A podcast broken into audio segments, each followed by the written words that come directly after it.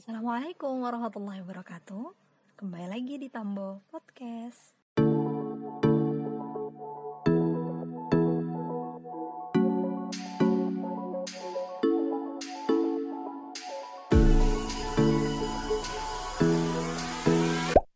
Gak terasa udah hampir seminggu kita ditinggalin nih Dengan bulan yang benar-benar penuh mulia. Bulan Ramadan. Bulan diturunkannya Al-Quran Bulan yang berbagai kelimpahan rahmat Itu diberikan sama sang pencipta. Dan bulan yang memang dinanti-nantikan oleh setiap muslim di dunia. Bagaimana tidak? Karena memang di bulan ini setiap insan tuh mencoba menjadi yang terbaik.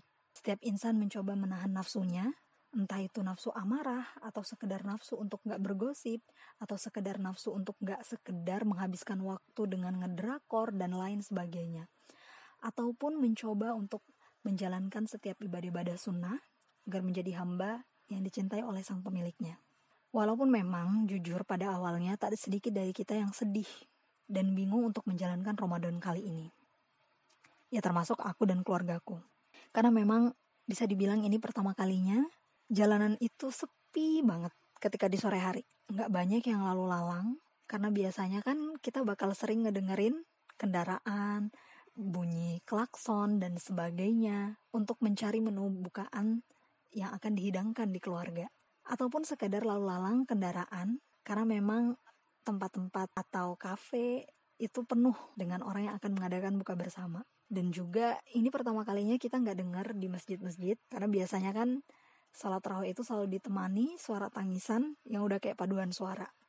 Dan gak berhenti-berhenti. Bahkan sering memperhatikan bagaimana hebatnya seorang ibu membawa anaknya.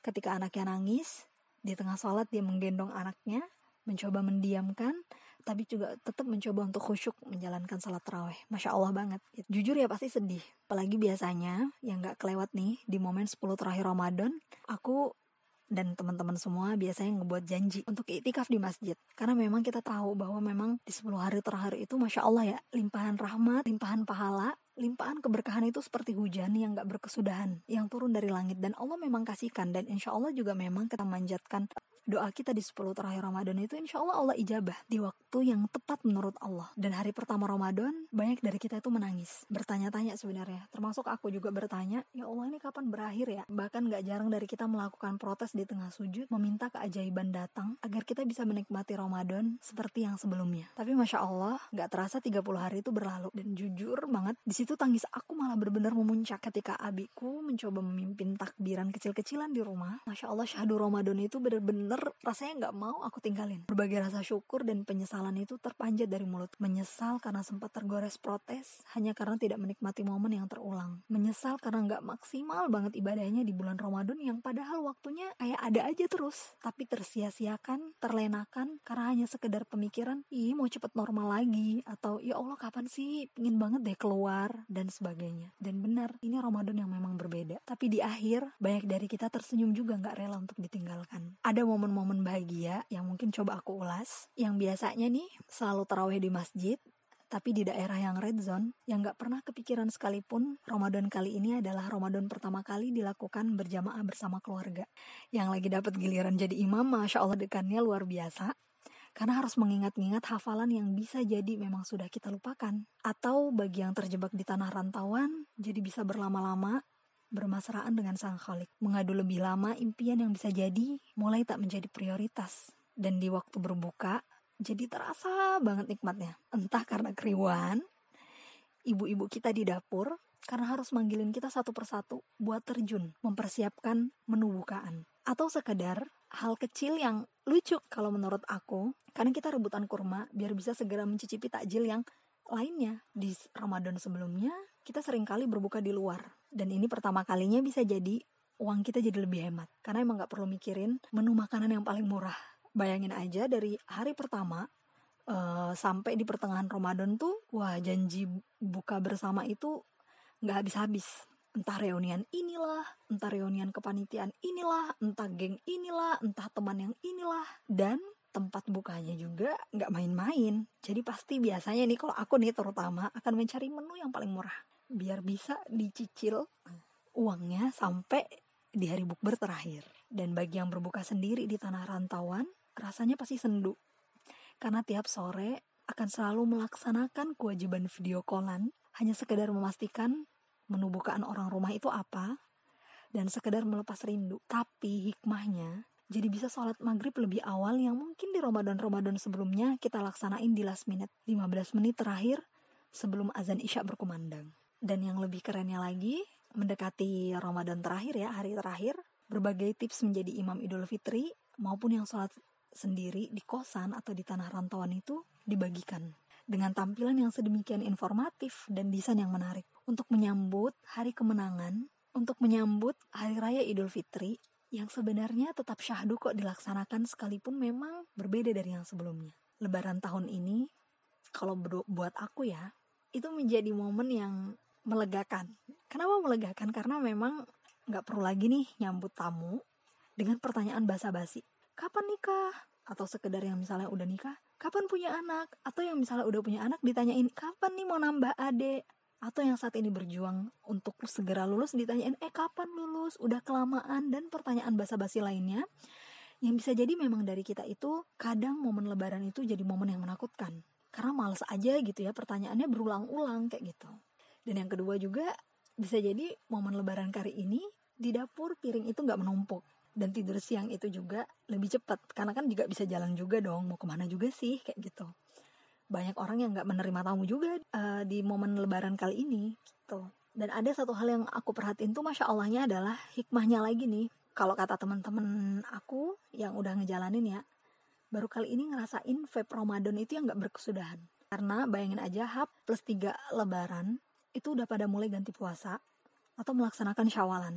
Karena rata-rata sih kalau misalnya aku tanyain ya ih nggak pingin nggak pingin Ramadan itu suasananya udah gitu aja gitu dilupain. Nah mumpung nih Zah mumpung uh, kita nggak perlu janjian sama temen buat silaturahim ke mana ke mana. Jadi kan di rumah aja jadi bisa buat mempercepat melaksanakan uh, syawalan.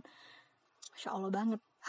Tapi beberapa waktu ke depan kita juga bakal menerapkan yang namanya new normal. Walaupun memang jujur ya aku pun nggak sama sekali sepakat dengan uh, kebijakan ini gitu. Karena memang aku ngerasa Indonesia tuh belum sama sekali siap. Tapi ketika nanti udah diterapin dan memang kita diharuskan untuk menjalankannya pesan aku untuk diri aku sendiri dan juga untuk teman-teman adalah jangan sampai nih ibadah-ibadah kita di atas yang sudah menjadi kebiasaan kita dan kita udah ngerasain bagaimana kenikmatannya, dahsyatnya, itu pudar begitu aja yang biasanya selalu kebangun untuk curhat di sepertiga malam dengan sang khalik.